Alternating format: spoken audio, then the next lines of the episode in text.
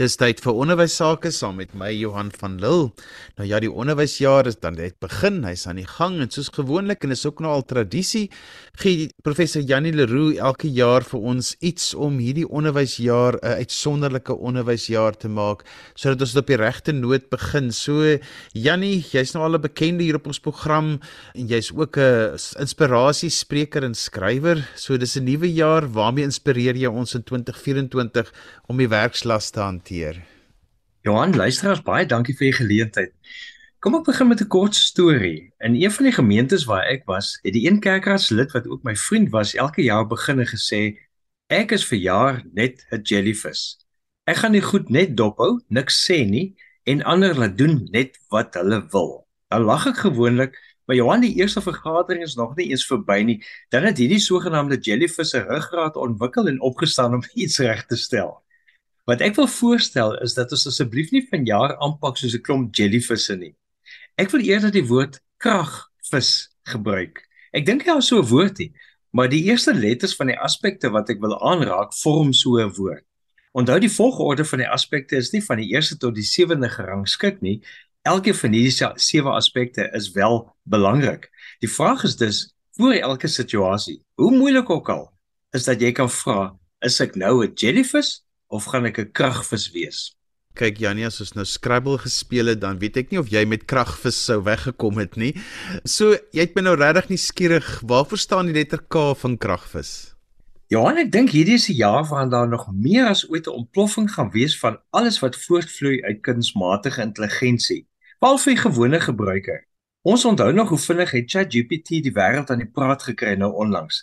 Dis daai taalmodel wat uh, as kletsbot aanhoudend bly leer asook met mense kan kommunikeer in 'n natuurlike taal. Ek het nou die dag vir die ding laat weet, luister jy het vir hierdie navorsing verkeerd gedoen, so moet dit wees en toe kom vra net mooi verskoning ook nogal snel voor.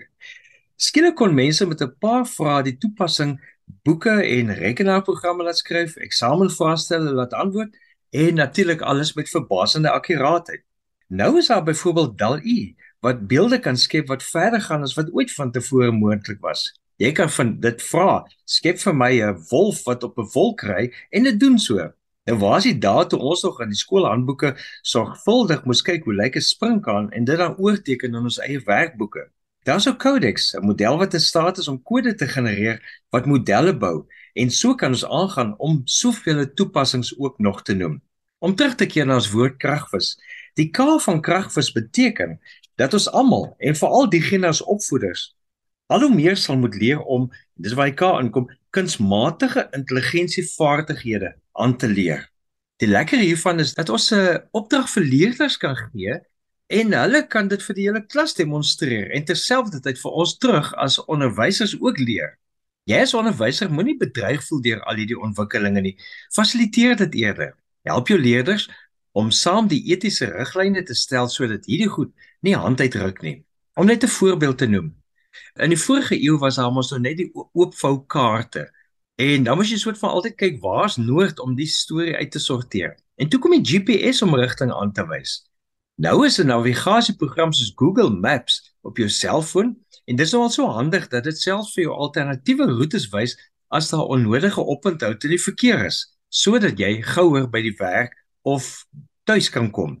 Kunsmatige intelligensievaardighede is soos om Google Maps vir klas gee te gebruik. Die eerste ding vir verjaar is dus laai een van hierdie toepassings af. Kyk 'n YouTube video daaroor. Gesels met die leerders daaroor en leer die bestes gebruik. Want kunsmatige intelligensievaardighede is wat ons nou vinniger sal moet aanleer. Die vraag 1 vir elkeen is: Watter kunsmatige intelligensievaardigheid wil ek vir jaar aanleer en vir my klas leer. Janie, dit is so 'n belangrike punt want ons weet hoe noodsaaklik dit al in ons lewe is. So, waar verstaan die tweede letter die R van kragvis dan? R staan vir my roeping. Roeping is die rede hoekom jy iets wil doen. Jou waarom, jou diepe why, soos die mense ook sê in Engels. As jy jou roeping verloor om mense te help groei, kan jy net sowel iets anders gaan doen. Onderwys is een van die mees lonende, maar ons weet ook een van die mees stresvolle beroepe. Daarom moet jy opstaan met 'n goeie rede, met 'n roeping, want jy kan dalk finansiëel op 'n ander plek eintlik baie meer geld maak. Maar in die omgewing van opvoeding en onderrig verander en beïnvloed jy lewens en die mensdom se toekoms. Hulle praat van mense wat via Instagram en ander sosiale media sogenaamde influencers is. Maar onderwysers is my na my mening vandag een af influencers wat reeds 'n klas vol volgelinge het. Malala Yousafzai, ek hoop ek spreek haar naam reg uit, is 'n Pakistani vroulike opvoedingsaktivis en die 2014 Nobelpryswenner op die ouderdom van 17. Sy is die jongste persoon om vereer te word met die Nobelprys.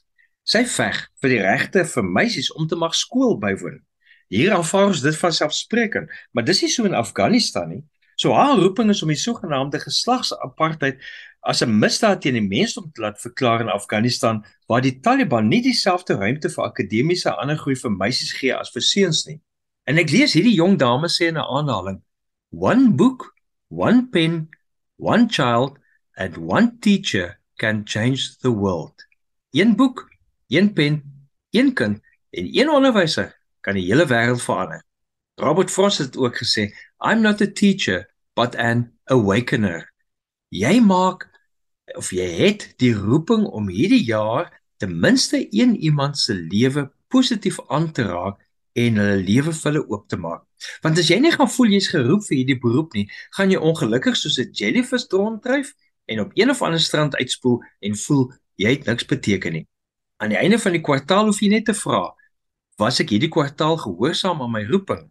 Aan die einde van elke week hoef jy net te vra: Was ek hierdie week gehoorsaam aan my roeping? Aan die einde van elke dag, as jy jou moe lyf in die bed sit, hoef jy net te vra: Was ek vandag gehoorsaam aan my roeping? Janie, want dikwels voel onderwysers uitgebrand en asof hulle hulle roeping verloor het. Sou, wat sal jy daarvoor aanbeveel? Johan, ek was bevoorreg om in 'n kommissie te dien waar ek eerstens gesien en ervaar het wat gebeur as mense uitbrand. En daar's natuurlik veelvuldige redes daarvoor. Maar een van die groot redes vir uitbranding is dat die persoon voel daar is nie meer 'n betekenisvolle rede om te doen wat hy of sy moet doen nie. Anders gestel, ek het nie meer 'n roeping nie. Want dis nie net 'n stelsel wat jou kan oorvra nie. Dis ook jouself wat met onredelike verwagtinge aan jouself, jouself kan uitbrand. Jy kan ook totaal oorvra voel deur die gevare van die nood van die omgewing. Ek weet hier in die Kaap waar die mense op mekaar skiet. Nou eendag sê iemand vir my, maar sy lê op die grond en slaap want sy is te bang hulle skiet haar op haar bed. So die omgewing bepaal baie van hierdie goed ook. Ons leef ongelukkig in 'n land waar dit nie oral veilig is of waar almal genoeg voedsel het nie. En dan het ons nog nie eens gepraat van die werkslading en stres, die gebrek aan hulpbronne asof die effek van negatiewe leerders nie. Die punt is, En ek dink dis wat ons moet hoor. As jy voel jy nader uitbranding, moet jy asseblief dadelik by hulp by sielkundige uitkom wat jou kan help. Ja, ek stem absoluut saam dat mense wat iets van uitbranding begin voel, dadelik moet gaan hulp soek. Jy sit regtig aan jouself verskuldig om nie te lank hier weet te wag en nie meer te speel nie. So kom ons beweeg oor na die letter A van kragvis. Waarmee help dit ons vanjaar? Ek weet nie of dit ook 'n nuwe woord is wat ek skep nie terwyl jy praat van krabbel. Die A staan vir my vir anti-stuitbaar.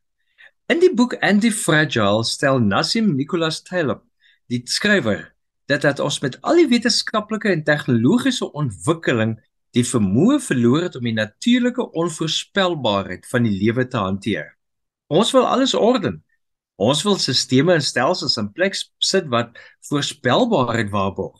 Daarom sukkel ons om die stres te hanteer die oomblik as daar 'n skielike verandering in rentekoerse, petrolprys, kurrikulum of koue is.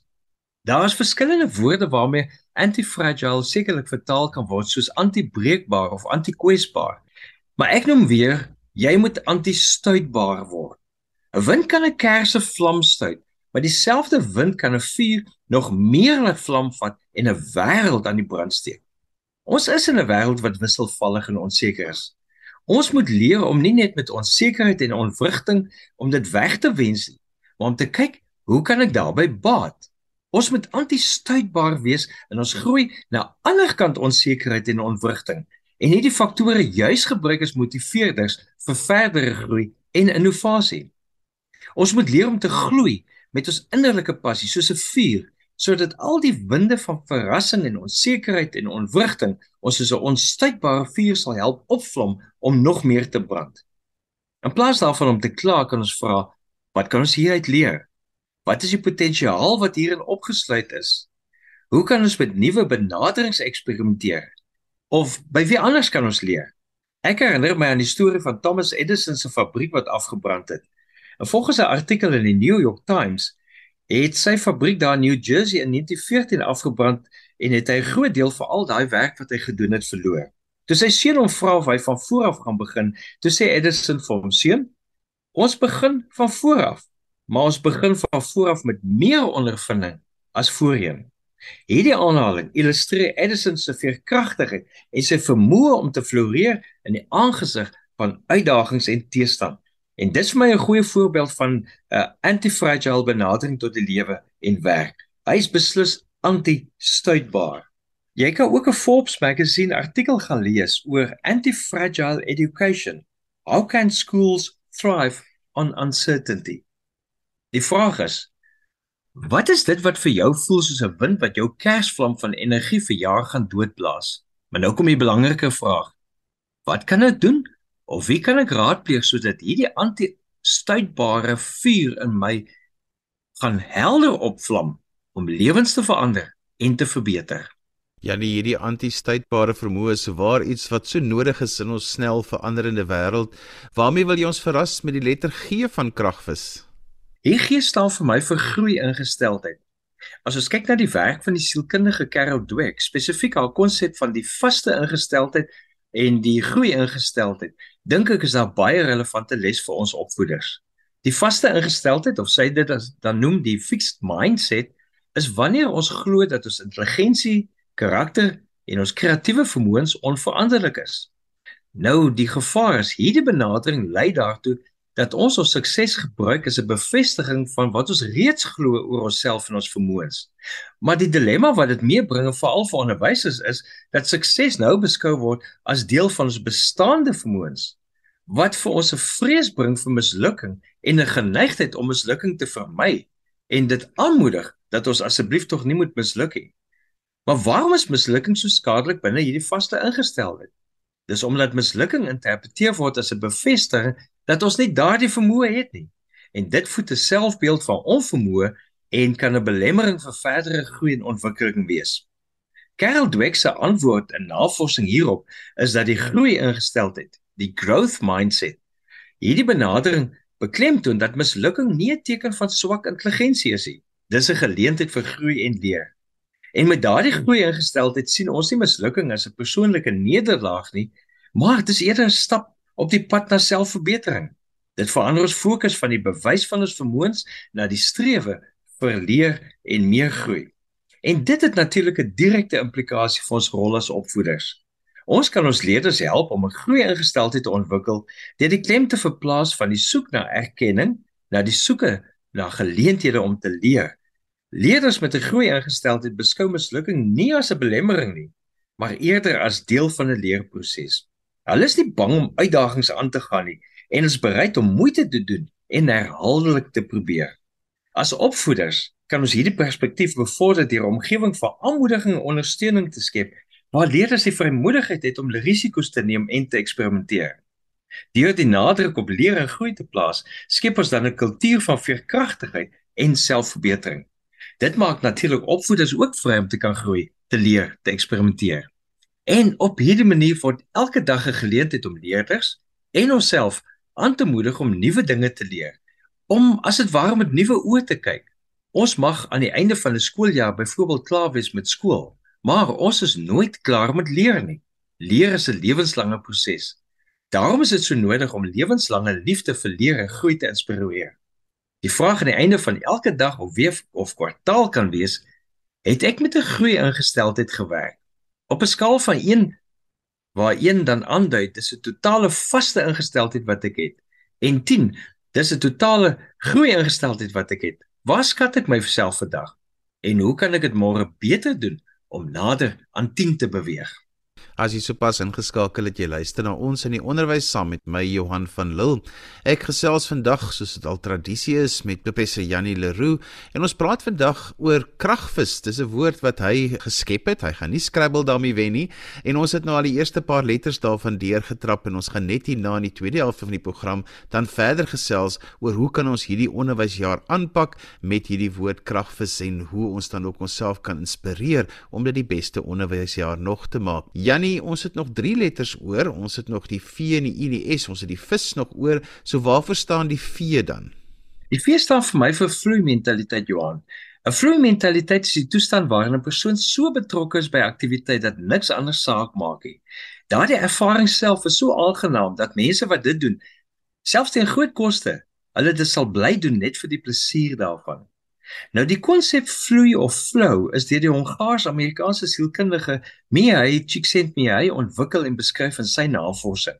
Om vloei te bereik moet 'n persoon aan die volgende aspekte voldoen en natuurlik dan om die beste opvoeding gee, sal dit help om hierdie aspekte doelbewus in plek te hou in elke dag se klas. Die eerste een is duidelike doelwitte.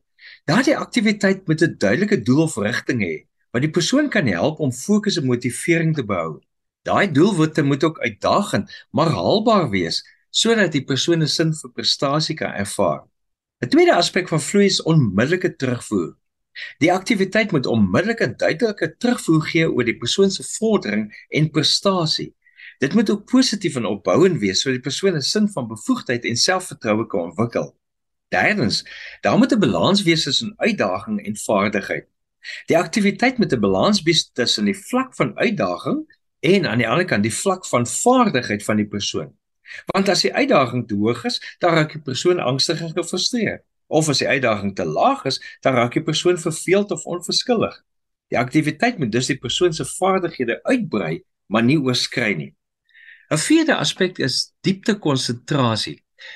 Daardie aktiwiteit moet die persoon se volle aandag en konsentrasie vereis sodat hy of sy alle ander gedagtes en bekommernisse kan vergeet. Die persoon moet so opgespan wees in die aktiwiteit dat hy of sy die gevoel van tyd en selfbewustheid verloor. Nog 'n aspek is 'n sin van beheer. Hierdie aktiwiteit moet die persoon 'n gevoel gee dat ek beheer en autonomie het oor my aksies en besluite. Die persoon moet voel dat hy of sy die aktiwiteit kan beïnvloed en stuur sonder om deur eksterne faktore gehinder of gedwing te word. 'n Laaste een is dan 'n sin van waarde. Die aktiwiteit met die persoon 'n sin van waarde en betekenis gee wat verband hou met sy of haar persoonlike of sosiale waardes en doelwitte. Die persoon moet voel die aktiwiteit is so belangrik en waardevol dat dit 'n positiewe bydrae lewer tot sy of haar lewe of die gees verander. Nou mense kry baie van hierdie aspekte van vloei kry mense as iemand byvoorbeeld begin skilder en dan heelnag deur skilder, maar dit kan ook op ander aspekte van die lewe van toepassing kan wees. Hierdie aspekte is belangrik om in plek te kry vir optimum vloei want dit help die persoon om 'n optimum ervaring te ervaar en dit lei tot hoër vlakke van geluk, tevredenheid, selfmotivering en selfverwesenliking. Aan die einde van die dag is die vraag: het ek ergens die kurrikulum so aangebied dat my leerders in die moment van vloei kon kom? Wanneer en hoe lank het dit gebeur? Hoe kan ek dit nog meer regkry? Want dit is nie net leerders wat baat by vloei nie, onderwysers baat self ook daarbey. Janie, waar verstaan die letter I van kragvis dan? Die I staan vir intentioneel. As jy nie kies watter rigting jy gaan word jy meegesleep deur allerlei winde van verandering. Nou ek en jy kan mik vir 'n resultaat, maar ons kan noodwendig bepaal nie, maar ons kan voortdurend in die rigting daarvan beweeg. Daarom moet 'n mens aan die begin van jaar vir jouself as dit ware neerskryf en dit opplak waar jy kan sien Dit is vanjaar my intensie en dan skryf jy in wat dit is. Nou dit sal insluit wat is jou visie, wat is jou roeping, wat is die doel wat jy wil bereik, watter drie waardes wil jy in plek hou vir jaar? Want as jy intentioneel leef, dan voel dit vir jou jou lewe het meer betekenis. Intensie is die saadjie van dit wat jy hoop om te skep. En dis nie net 'n oefening wat jy vir jouself doen nie, jy kan die leerders dit ook laat doen. Laat elkeen met 'n bevel papier begin en net hierdie een sin mee begin.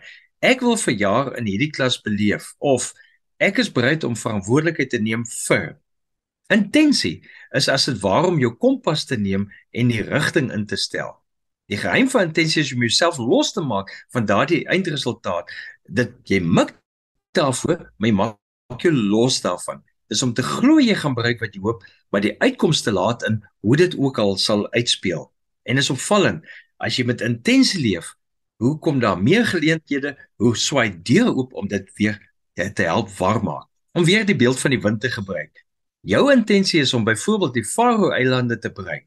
Die wind en storms mag jou seile van koers af waai, maar jy gaan altyd weer in daardie rigting jou seile span. Die vraag is dus, wat is daardie rigting? Want dis my intensie. Stel jou intensie.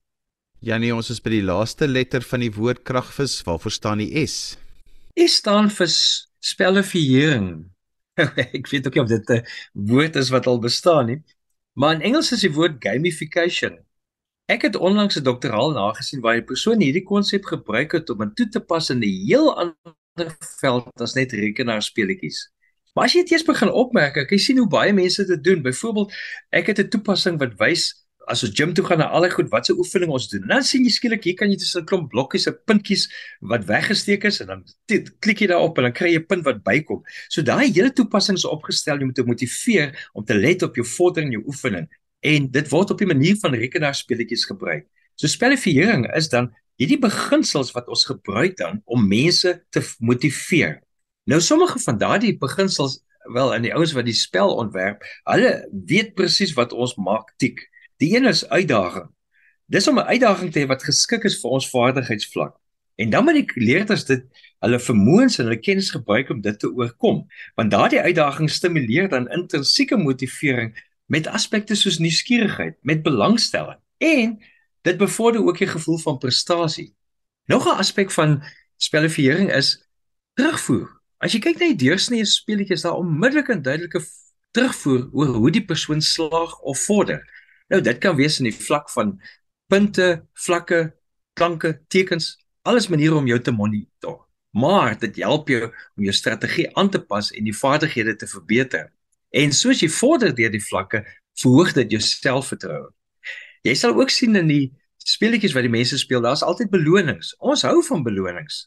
Belonings kan dan byvoorbeeld gegee word deur nuwe inhoud te ontsluit jy toegang tot iets anders te verkry of sommer net erkenning te kry.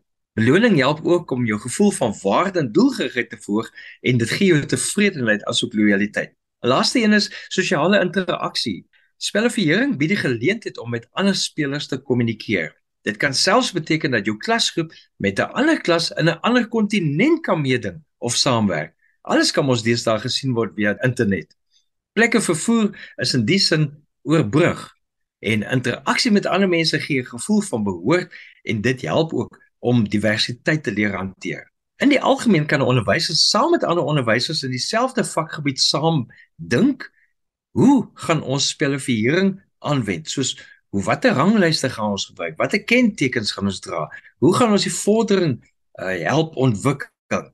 En dit skep 'n gevoel van mededing, maar ook samewerking tussen leerders skep net die geleentheid om hulle ook te help om hulle rang op die lys te verbeter of om met iemand saam te werk wat werklik kan help.